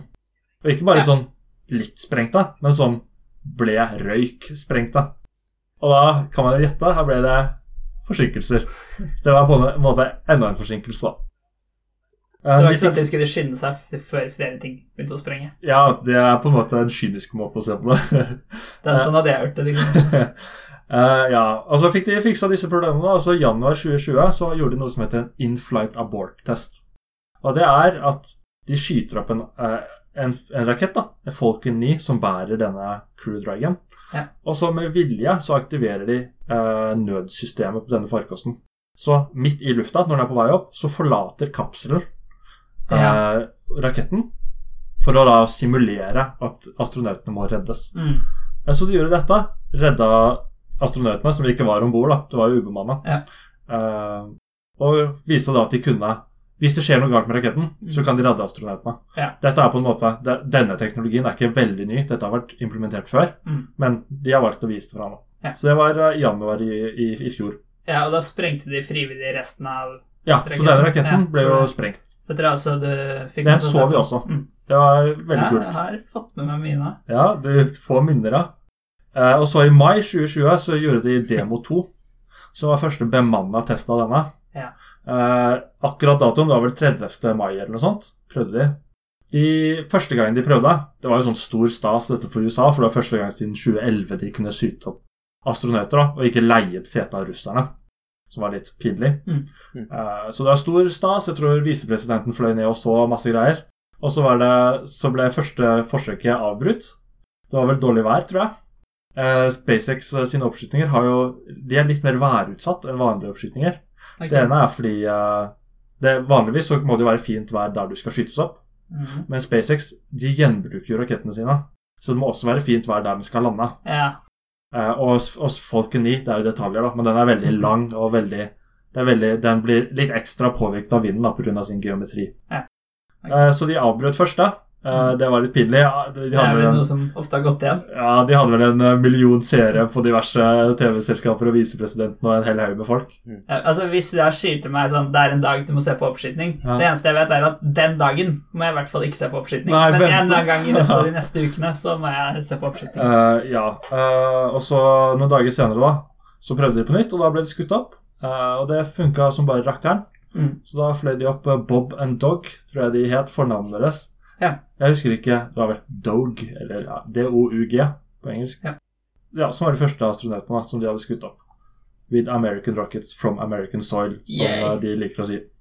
Uh, ja, Men det var fortsatt en demotest. Og så i november 2020, bare noen måneder siden, Ok. så sendte de opp første vanlige oppdrag, som het Crew One. Og dette er første gang de bare har Eller det bare har vært normal drift, da. Var det med folk Det var med folk. Så til nå, ISS? Til ISS. Så nå er den i vanlig tjeneste. Mm. Nå er den ute av testprogrammet, og nå, det, nå har eh, NASA den muligheten. Hvor mange er det som er på ISS? Vet du det? Det varierer jo fra tid til tid, Ja. eh, men nå er det vel kanskje en fem stykk, tror jeg. Ja, For nå er det da fire amerikanere eller noe sånt, da? To ganger to? Eller ble de andre med ned igjen? Eller noe Ja, sånt, eh, eller? på, crew, på, på demo 1 så sendte de bare opp to astronauter. Ja. På, demo, nei, på Crew 1, altså den nå i november, så Mm. tror jeg de sendte opp fire. Ja, ok. Uh, ja. Men, så du da usikker. noen med ned igjen? Ja, folk går jo opp og ned hele tiden. Ja. De hvor de vil det er en være. nettside som heter How many people are in space now? Eller et eller annet, som bare gir deg et tall, så du kan jo bare slå opp der. Ja. Jeg tror alle menneskene som er i verdensrommet, er på ISS. Jeg tror ikke det er noen andre steder de er nå. Snakk i ti sekunder, Terje, så skal jeg google. Hvordan funker disse gjenbrukbare rakettene som drar til ISS? Er det hele raketta som drar hele veien opp, eller er det deler av den som skiller, skiller lag, og liksom, hvordan funker det? Eh, På Falcon 9 så er det bare første delen av raketten som er gjenbrukbar. Hvis du ser for deg bare raketten, og altså da ser Mm. bort fra Crew Dragon, som er dette romskipet på toppen, bare ser på raketten, så er den delt i to. Du har first stage og second stage. Første steget eh, blir gjenbrukt. så Det flyr vel opp til en kanskje en 140 km eller noe sånt, og så snur den. Og enten flyr tilbake til oppskytningsstedet, Mm. eller lander på en flåte ute i havet. Hvilket av de, de den velger å gjøre, er litt avhengig av tyngden på det den skyter opp. da. Mm. Uh, og andre staget, som er da oppå stage 1, det har de ikke klart å gjenbruke. Og grunnen til at det ikke blir gjenbrukt, er fordi det beveger seg så fort. Når den er ferdig, så beveger den seg i noe 27 000 km i timen eller noe sånt. Og altså, da brenner det opp. Mm. Da, det er, da, da ligger det tynt an. Mm. Uh, så det er mye vanskeligere å gjenbruke den, da. Eller mye vanskeligere å gjenbruke den på en lønnsom måte. De kunne jo sikkert Ja. pakka den inn i varmeskjold, men det er på en måte Det, det er økonomien det stort sett går på. Ja, det er jo et selskap nå som skal tjene penger. Um, ja, og så, så når raketten har gjort sin jobb, så fortsetter jo da folk, nei, The Dragon-kapselen til ISS og leverer astronaut. Og hvordan kommer den seg ned igjen uh, i livet, da? Ja, uh, den drar opp til ISS, kobler seg til, er da vel et par måneder, kommer litt an på oppdraget. Uh, så drar de tilbake og Mm. gasser i motsatt retning av den hastighetsvektoren deres. Og da faller de ned igjen i atmosfæren, men denne har jo da et varmeskjold. Så den brenner ikke opp, slik som disse tidligere romstasjonene gjorde. Denne overlever da, forhåpentligvis, Mm. Uh, og blir da plukket opp i, i havet. Så den har bare en fallskjerm på vei neder, sånn at den bruker raketter til å lande, sånn som uh, oppskytninger. SpaceX hadde faktisk en idé om at uh, de har på disse rakettene så har de noe som heter Super Dracos. Og nå brukes de bare til dette nødssystemet deres. Eh, men de hadde også ideer om å bruke det til eh, landing. Så de hadde en plan om at de skulle fly tilbake til Nor Nei, ikke Norge, haha. Til USA og lande på fastlandet med å bremse med disse rakettene. Mm. Ja. Men eh, de har jo, dette programmet har blitt utsatt så mange ganger at jeg tror de valgte enkleste løsningen. Å få det sertifisert av NASA. Mm. På How many people are in space right now, så står det at det er sju stykker nå. Sju stykker. Ja. Men at de, de som var skutt opp i mars, nei, i mai, ikke er der lenger. Nei, Bob and Dog har kommet tilbake. Ja. Mm. ja så det, det er noe gøy som skjedde i fjor. Uh, jeg har masse ting her, jeg. Jeg vet ikke Ja, vi begynner å få en bra, bra lengde på podkasten, men vi kan gjerne ta litt mer. Hvis Ja. det- Jeg syns det er kjempegøy. Altså, jeg kan Ja. prate i Vi kan godt ha en tolvtimerspodkast for min del. Uh, Ja, du, vi vil gjerne høre det du har. Det var vel du som eh, hadde planer etter innspilling. Ja, vi er klokka nå. Nei da, vi har litt tid vi har litt tid. Ja, ja. Uh, så ja, bare Hvis du begynner på det mest spennende, så blir det gradvis kjedeligere kjedeligere, så får vi en bra sånn avslutning på sesongen. ja kanskje, de, kanskje de sovner. Hvis det, er jo noe fin, det er jo fint folk er litt der når sesongen er slutt, så Ja. Eller kanskje vi må ha en skikkelig cliffhanger, men det kan vi tenke på imens. Hvis vi skal gå til noe Jo, til noe annet som er litt aktuelt Mm. nå Eh, som nevnt tidligere, eh, så var det jo et eh, transfer window. Altså en mulighet for å dra til Mars fra jorda pga. deres posisjon i relasjon til hverandre. Ja, det som var ca. hver 26. måned. Ja. Mm. Og da, det var det mange som ville gjøre. Ja. Så i sommer, eh, denne sommeren ble kalt eh, eller The Year of Mars, eller The Summer of Mars. Ja. Og vi har nå tre prober på vei til Mars. Ah, ja. Mm. Uh, Ubemanna, da, selvfølgelig. Ubemanna. Ja. Ellers hadde dere nok hørt om det. Ja. Uh, ja, så de, NASA har sendt opp igjen. Eh, den heter Perseverance, Mm. og det er en bil. På samme måte Ja. som den forrige, Curiosity. Ja. Og den skal lande nå eh, Er det 18. februar, tror jeg? Ok. Eh, og den er på størrelse med en SUV. Og proppa med Den har en eh, radioisotopgenerator, så enkelt atomkraftverk, da. Ja. Som gir den eh, strøm, og den har, kan kjøre rundt på Mars. Mm. Eh, ja, den har også en norsk radar om bord. En georab der, som er utviklet av FFI på Kjeller. Så det er norsk teknologi om bord i denne. Okay. Det er jo kult. Mm. Den har også en, en, et helikopter om bord. Testhelikopter. Okay. Og en av ingeniørene som jobber på det Jeg tror jeg, Kanskje er det han som er ansvarlig for det prosjektet. Han er norsk. Hæ? Han har studert kybernetikk ved Kan vi nesten si vi er norsk astronaut? Ja, ja, i hvert fall Eller helikopteret. Ask Askeladnonaut. Ja. Ja. Og som dere smartinger sikkert tenker, så er det lite luft på Mars, og hvordan funker da et Ja. helikopter? Akkurat det samme har NASA-ingeniørene tenkt på. De har det. Ja, ja. Det ikke, de er ikke så dumme. Jeg hå- håper iallfall de har tenkt på det. Ja. Eh, Så disse, disse rotorbladene på dette helikopteret spinner jo voldsomt fort for å få det til. Ja, for det er, liksom, det er litt uh, stoffer i lufta der, så det Men det må spinne latterlig raskt. mm. Og så har man den balansen med at man vil ikke at rotorbladene skal bryte lydhastigheten. Og hva er lydhastigheten på Mars? Det er masse sånne kompliserende faktorer som jeg ikke er forberedt til å diskutere veldig nøye om. Ja, Ja. for lydhastigheten er avhengig av luftsammensetningen. Ja, det er tetthet og nei, og oksygen og, nei, tetthet og, og temperatur og masse greier. gravitasjon og stengt begreper. Ja, vi eh, driver med. så dette helikopteret det skal bare testes et par ganger. Det er eksperimentelt, eh, men det blir veldig kult om vi har et eh, helikopter på Mars. Eh, ja, så det var en av tingene som var på vei til Mars. Eh, vi har også Kina, som eh, blir stadig mer gjeldende i verdensrommet. De har sendt en probe som heter Tianwen 1 til Mars. Den er veldig ambisiøs. Det er både en orbiter, altså et element som går i bane, en kunstig satellitt, Mm. en lander, så en probe som lander på Mars og gjør vitenskap der den står, Mm. og en rover.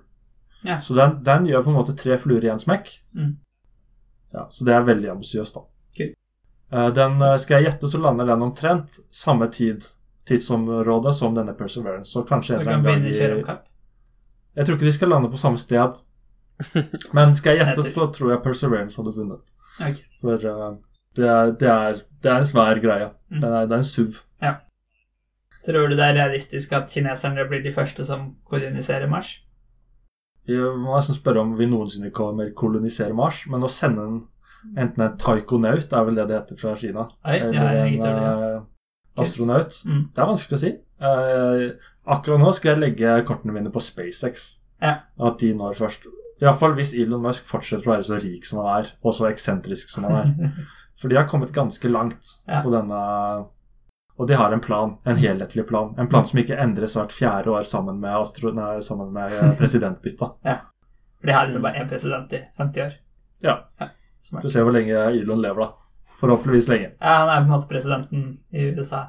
Ja, ja, fordi han blir sikkert presidenten i, på Mars. Ja, nei, jeg, ja, jeg tenkte på Kina, at de hadde samme Ja, ja de er også ganske Ja, gode på å holde de lenge. Uh, den tredje proben det er fra Midtøsten, eh, fra Ja. Forente arabiske emirater. De har valgt å kalle sin probe Håp. Hope. Jeg vet ikke hva det er på arabisk. Det, jeg, gadd ikke skrive det for jeg hadde ikke klart å uttale det ordentlig uansett. Uh, ja, og Det er en, uh, en kunstig satellitt da, som skal gå i bane rundt Mars og kartlegge da hovedsakelig vær Okay. slik jeg har uh, oppfattet det. Ikke at det er så veldig mye vær på Mars, men uh, det er iallfall oppdraget deres. da. Ja. Gjøre vitenskap basert på det. Jeg ser for meg at Forente arabiske emirater kan være sånn som plutselig bare sender opp det er verdens høyeste bygning, Burj Khalifa. Bare setter noen raketter på den og ser hva som skjer. Ja, tømmer den for uh, møbler og fyller den med flytende oksygen og hydrogen, så Er det godt poeng? bare sette noen raketter under og ha, la den være som den er. Ja, kanskje. Eh, Du kan jo pi pitche det til dem. Om Hvis en nasjon skulle gjort noe sånt, så må det være Dubai. Ja. Eller, ja. Forente arabiske emirater. Uh, ja. Så det var en ting som var kult. Kult. Tror du ikke det er mulig å kolonisere Mars? Eh, jeg føler at dette eh, går tilbake til det problemet med all romfart, og det er politisk vilje og viljen til befolkningen. Mm. Problemet med mennesker Men du tror det er teknisk mulig? er 100 teknisk mulig. Eh, jeg tror problemet med oss mennesker er at vi bryr oss om andre ting enn bare romfart. Så kan man vurdere om det er et problem, da. uh, så det er rett og slett bare vilje, sånn jeg har forstått det. Selvfølgelig, det er stråling. Stråling er et stort problem. Uh, det er mange effekter som skjer med menneskekroppen når man er i verdensrommet, som ikke er så bra. Man kan få beinskjørhet, man kan miste veldig mye muskelmasse. Man kan få problemer med øynene, blant annet. Yeah. Alt dette er sånn, Hvis det er nok vilje, Mm. så klarer vi. Men det er veldig interessant, for hvor lenge er det lengste én person har vært i rommet? Vet du det? Jeg er vel over et år. Ja. Og har det blitt noen problemer På, sånn på, på, helt på begynnelsen så var det et problem. For da okay. visste man ikke hvordan man motvirket det. Nei. Men nå er det sånn at hvis du er astronaut på ISS, så trener du flere timer om dagen Ja, for å motvirke disse effektene. og det må du hvis Mm. du ikke skal få Men akkurat det med sånn ensomhet i verdensrommet, og sånne, at det er en lang reise, det, Ja, mer sånn psykisk. da. Ja. ja. det tror jeg er litt Det er ikke så stort problem som man tror. For hvis man Nei. tenker seg de utforskerne som dro med små båter for å finne Amerika ja. Det, altså, det var ensomt. Nå kan vi snakke hjem med e-poster, og det er mye mer ordna, da. Ja, og da handler det bare om å finne de riktige folka, for det Mm. er folk som klarer det fint. Og så igjen så er det den viljen til å gjøre det. Ja. Og jeg vet at Elon Musk har viljen, men har han pengene lenge nok til å gjøre det? Hva, men Ja. hva er det som skjer med øynene? Jeg skjønner liksom be- beinskjørhet og muskelsvinn og sånn, men Ja. du sa eh, det skjer noe med øynene? Ja, i, igjen så er jeg en cheerleader. Uh, hvis man skal ha gode, uh, gode forklaringer på dette, så anbefaler jeg bare å google det. Uh, men jeg, hvis, sånn jeg huska det, da, så tror jeg det er noe med trykkutjevning og et eller annet belastning som øynene er på en måte Mm. vant til å ha, som kan Mm. endre seg. Jeg vet i hvert fall at det er en astronaut, hva er det han heter da? Jeg husker ikke helt. Eh, men han, han ble blind da, mens han var ute på jo, eh, romvandring. Så han var der ute alene i uh, romdrakta si, og så plutselig så Så- kunne han ikke se noe. Instant. Det Ja, ja. Så det var eh, Det husker jeg. Jeg tror han et TED-talk om det. Men ble han permanent blind? Nei. Nei. Han eh, fikk tilbake synet. Uh, så, men som sagt, jeg, jeg har ikke notater på dette, så det kan hende jeg sier feil. Men altså romvandring bare i outer space eh, i en romdrakt, Mm. der trykket egentlig skal være ganske vanlig og sånt. Ja, uh, men det er også med denne gravitasjonen da, som er det store poenget at du ikke har. Ja. Når du har gravitasjon på kroppen din, så er det Mm. alltid en kraft på kroppen din. Men når du er i verdensrommet, så kan ting skje. da. Men åssen er det med gravitasjon i ISS? Um, både med tanke på at den er jo til en viss grad påvirka av jordas gravitasjonsfelt. Ja, den er 98% eller noe sånt like mye påvirka som oss her på jordoverflaten. Tingen med ISS er at når, når du drar ut av uh, Med alle satellitter Når du drar ut av atmosfæren, så blir du Så er det ikke sånn at gravitasjonen slipper taket. Grunnen til at ISS ikke faller ned, Mm. det er at den beveger seg sidelengs i en hastighet av 27 000 km i timen. Ja. Så den, den faller, men i og med at en rund ting på en måte også krummer seg, så vil den falle likt med krummingen, og da vil den bare holde seg i bane. Ja, Det Eh, kan du si. Har vi en fin analogi der, da? Ja, det er vel ditt eh, ansvarsområde. Ja. Jeg, jeg kan ikke si jeg kom på noe. Det er som månen går rundt jorda. Kjempeanalogi. Den har, du, den har du lov til å kritisere, Terje. Ja, det er jo ikke en analogi så mye som det er den akkurat samme situasjonen. Ja, det er bare samme greia. Sant. Men, men eh, du sier at på ISS så har de 98% gravitasjon. Ja, noe sånt. Problemet er jo at eh, når vi føler uh, Når vi sitter i disse stolene her, Mm. så er det ikke gravitasjon vi føler. Stemmer. Vi føler den kraften stolen dytter opp med, på oss med. Motsatt motsatte gravitasjonen, på en Mm. måte. Og det uh, føler de ikke på ISS. nei. Så derfor har de ikke den effekten. Jeg tror jeg snakket om dette i en annen podkast, men det er noe med det at gravitasjonen trekker akkurat like mye på hele kroppen din, og da kan du ikke merke det, for du merker på en måte bare forskjellene i kroppen din. Ja, det er noen detaljer der, men uh, sånn Ja. Mm. Ja, si det sånn. Det er, altså, det er noe som heter hva er det heter for noe? rockelimit, som jeg for så vidt simulerer i, uh, i gravitasjonssimulatoren min. Hei. Som er at hvis siden uh, gravitasjonskraften Ja. skaleres med avstanden med r i annen Ja, så Hvis du er dobbelt så langt unna noe med gravitasjon, så vil du bare få en fjerdedel eh, av mm. gravitasjonen. Så derfor Så denne gradienten den vil bli krappere og krappere og krappere jo nærmere objektet du beveger deg. Mhm. Og da, hvis Altså du har et Ja. Mm. Og hvis du da har et stort objekt, som f.eks. en måne, Ja. som beveger seg veldig nærme jorda, da, for eksempel, så Ja. vil faktisk den delen av månen som er nærmest jorda, oppleve mer gravitasjon enn den delen som er langt vekk. Stemmer. Hadde, hadde gravitasjonen vært lineær, så hadde ikke dette vært et problem. Mm. Tror jeg. Men det er, jo der, det er jo derfor vi ser eh, at månen Vi ser bare én side av månen til hver tid. Det er jo akkurat derfor den er låst fast på den måten i banen den går rundt jorda. Ja. Ja.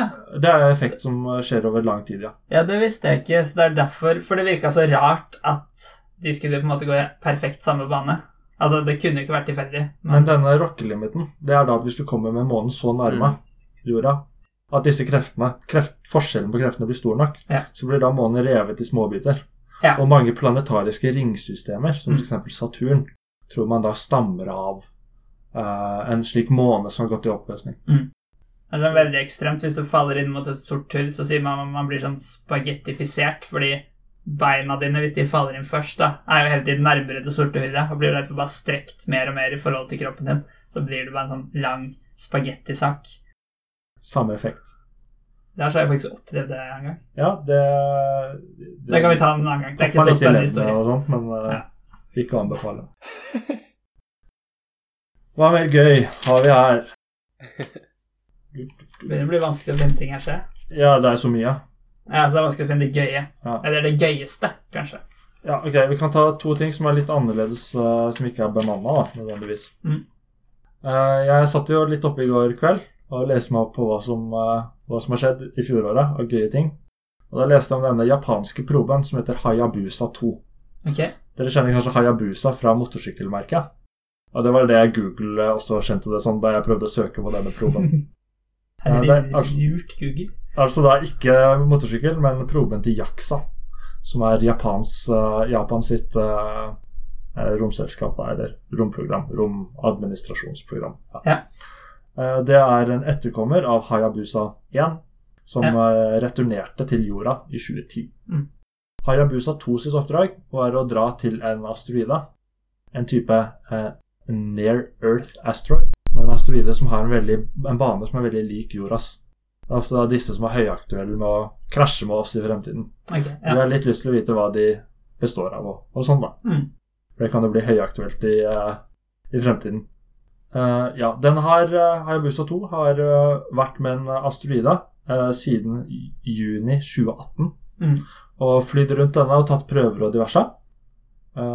Ja, og den returnerte noen prøver fra denne asteroiden nå i desember 2020.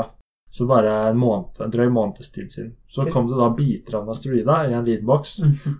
tilbake til jorda, som vi kan analysere. Ja. Eh, og jeg, jo mer jeg leste om denne proben, jo mer imponert ble jeg. Fordi japanerne de kan lage prober. Eh, denne proben eh, den har noe, en, noe som heter en ionemotor, som er veldig veldig effektivt. Så den kan drifte eller være i verdensrommet og kjøre rundt veldig lenge.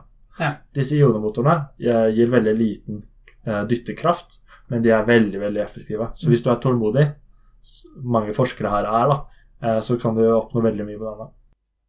Den har noe som heter en kinetic penetrator, som er fancy faguttrykk for uh, kanon. Ja. uh, som, vi da, som vi da ja, det er jo noe i det. ja, som vi da tok med opp til den asteroiden, og så skjøt vi den asteroiden, da. Bare for å se hva som ville skje, og se hva som kom ut. Så det var én ting. Den hadde også fire små rovere Ok. Som kunne settes ut på den asteroiden og gjøre forskjellige tester. Ja. Og jeg sitter her i går natt og bare tenker sånn Hvordan visste jeg ikke det her? Hayabusa er jo crazy, crazy greier. Uh, ja, så den leverte nå tilbake noen samples fra denne asteroiden nå i desember 2020. Ja.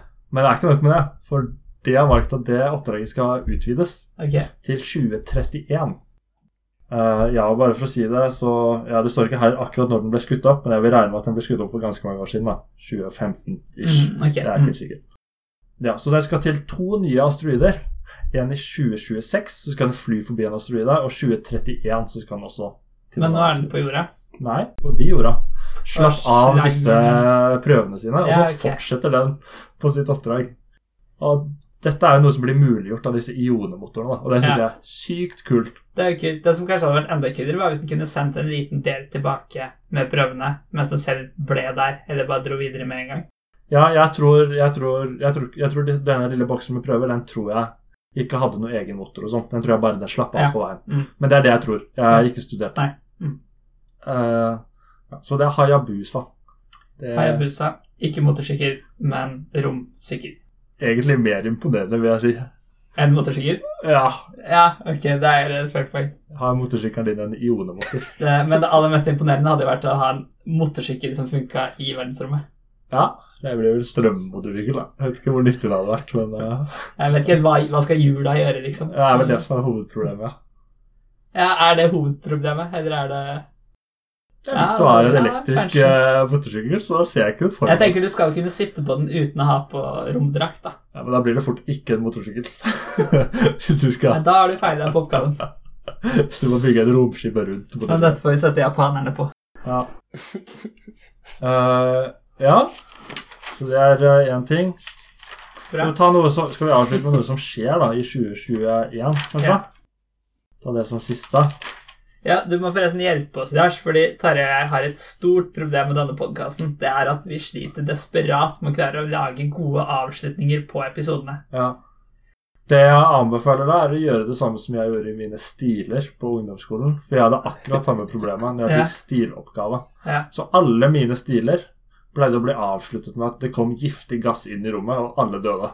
Det hørtes ikke ut som kan du kanskje prøve noe lignende og bare bli stille, eller bare begynne å hoste, og så skru av podkasten. Altså, Vi har avslutta en podkast en gang med at Tarjei tilsynelatende falt i bakken og døde etter å ha på fallskjerm. Ja, det er, det er noe likt. Det kan kanskje funke. Men det har vi brukt. Ja, men da gå over til giftig gass, for det, det kan Ja. dere bruke mange ganger. Jeg husker Mitt problem i hvert fall på barneskolen da jeg skrev stiler, var at jeg aldri planla den på forhånd. Så jeg bare skrev og skrev, så ble det aldri en avslutning. Så ble det bare altfor mange sider. Men så innser jeg på ungdomsskolen at kanskje hvis man planlegger historien først, så er det en fordel. Eller bare drepe alle med giftig gass når du er lei. Ja, det er jo en planlegging, det òg. Ja, det er En fast planlegging. strategi. Interessant. Uh, ja. Avslutte med noe gøy som skjer, uh, som skjer i år. Ja. Artemis-programmet. Det er eh, navnet på NASA sitt prosjekt for å returnere til månen i 2024. Ok, Så det er, det er litt mer enn bare en påstand. Ja. Ja. Det er et eh, stort, eh, stort prosjekt, og de skal ha planlagt både romstasjon rundt månen, som skal hete Gateway, og gjenbrukbare månelandere, og alt mellom himmel og jord.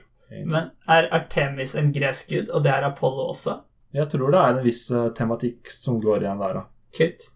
Det syns jeg er viktigere enn om de får det til. At det er gjennomført med navnet. Der, er du fornøyd. Ja. Bra. Eh, De planlegger å sende et ubemanna romskip som heter Orion, okay. til månen og tilbake igjen i november i år. Oi. Forrige test av dette romskipet tror jeg var i 2014.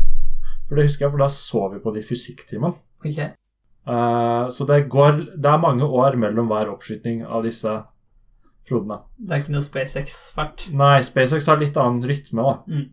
Eh, De skal teste Orion, sende det til månen og tilbake, og bruke et romskip, eller en rakett, som heter SLS, Space Launch System.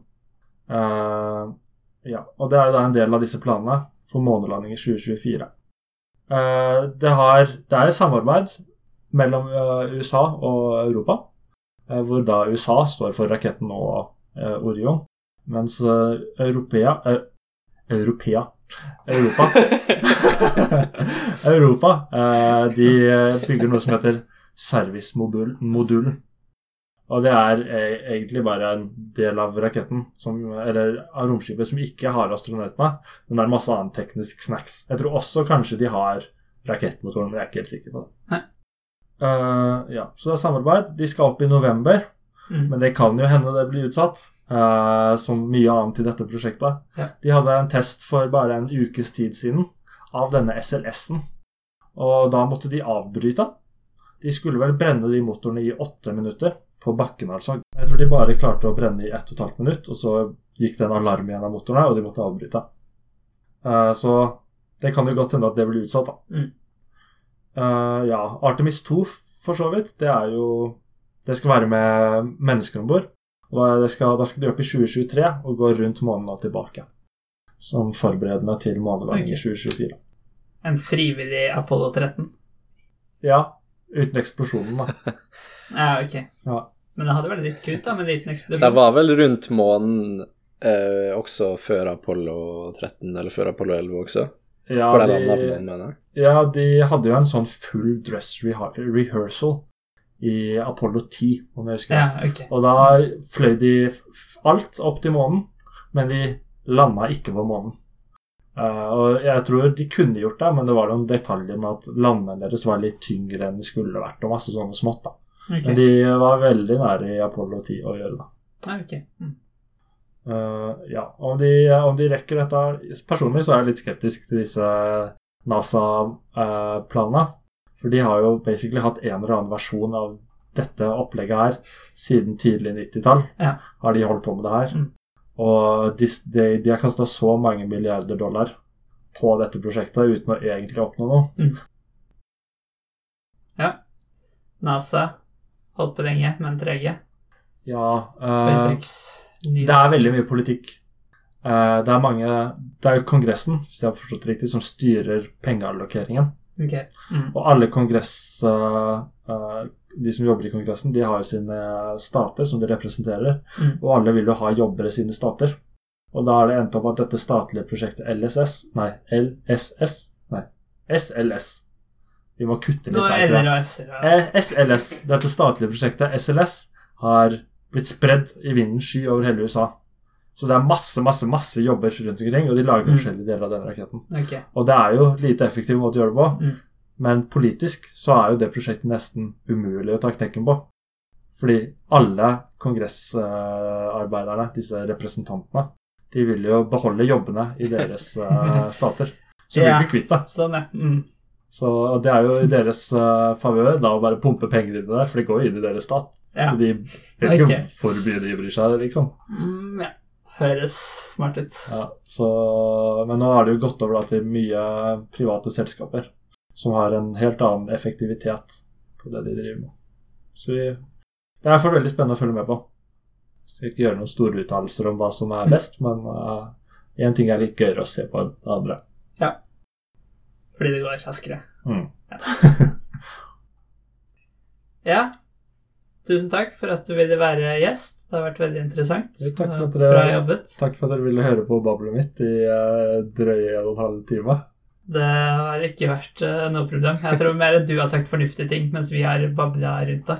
Ja, Jeg er vel den eneste her med notater, så det er vel greit. Ja, vi kommer sikkert tilbake med en ny sesong etter hvert, vi. Men vi er jo ikke de raskeste i verden, akkurat som NASA.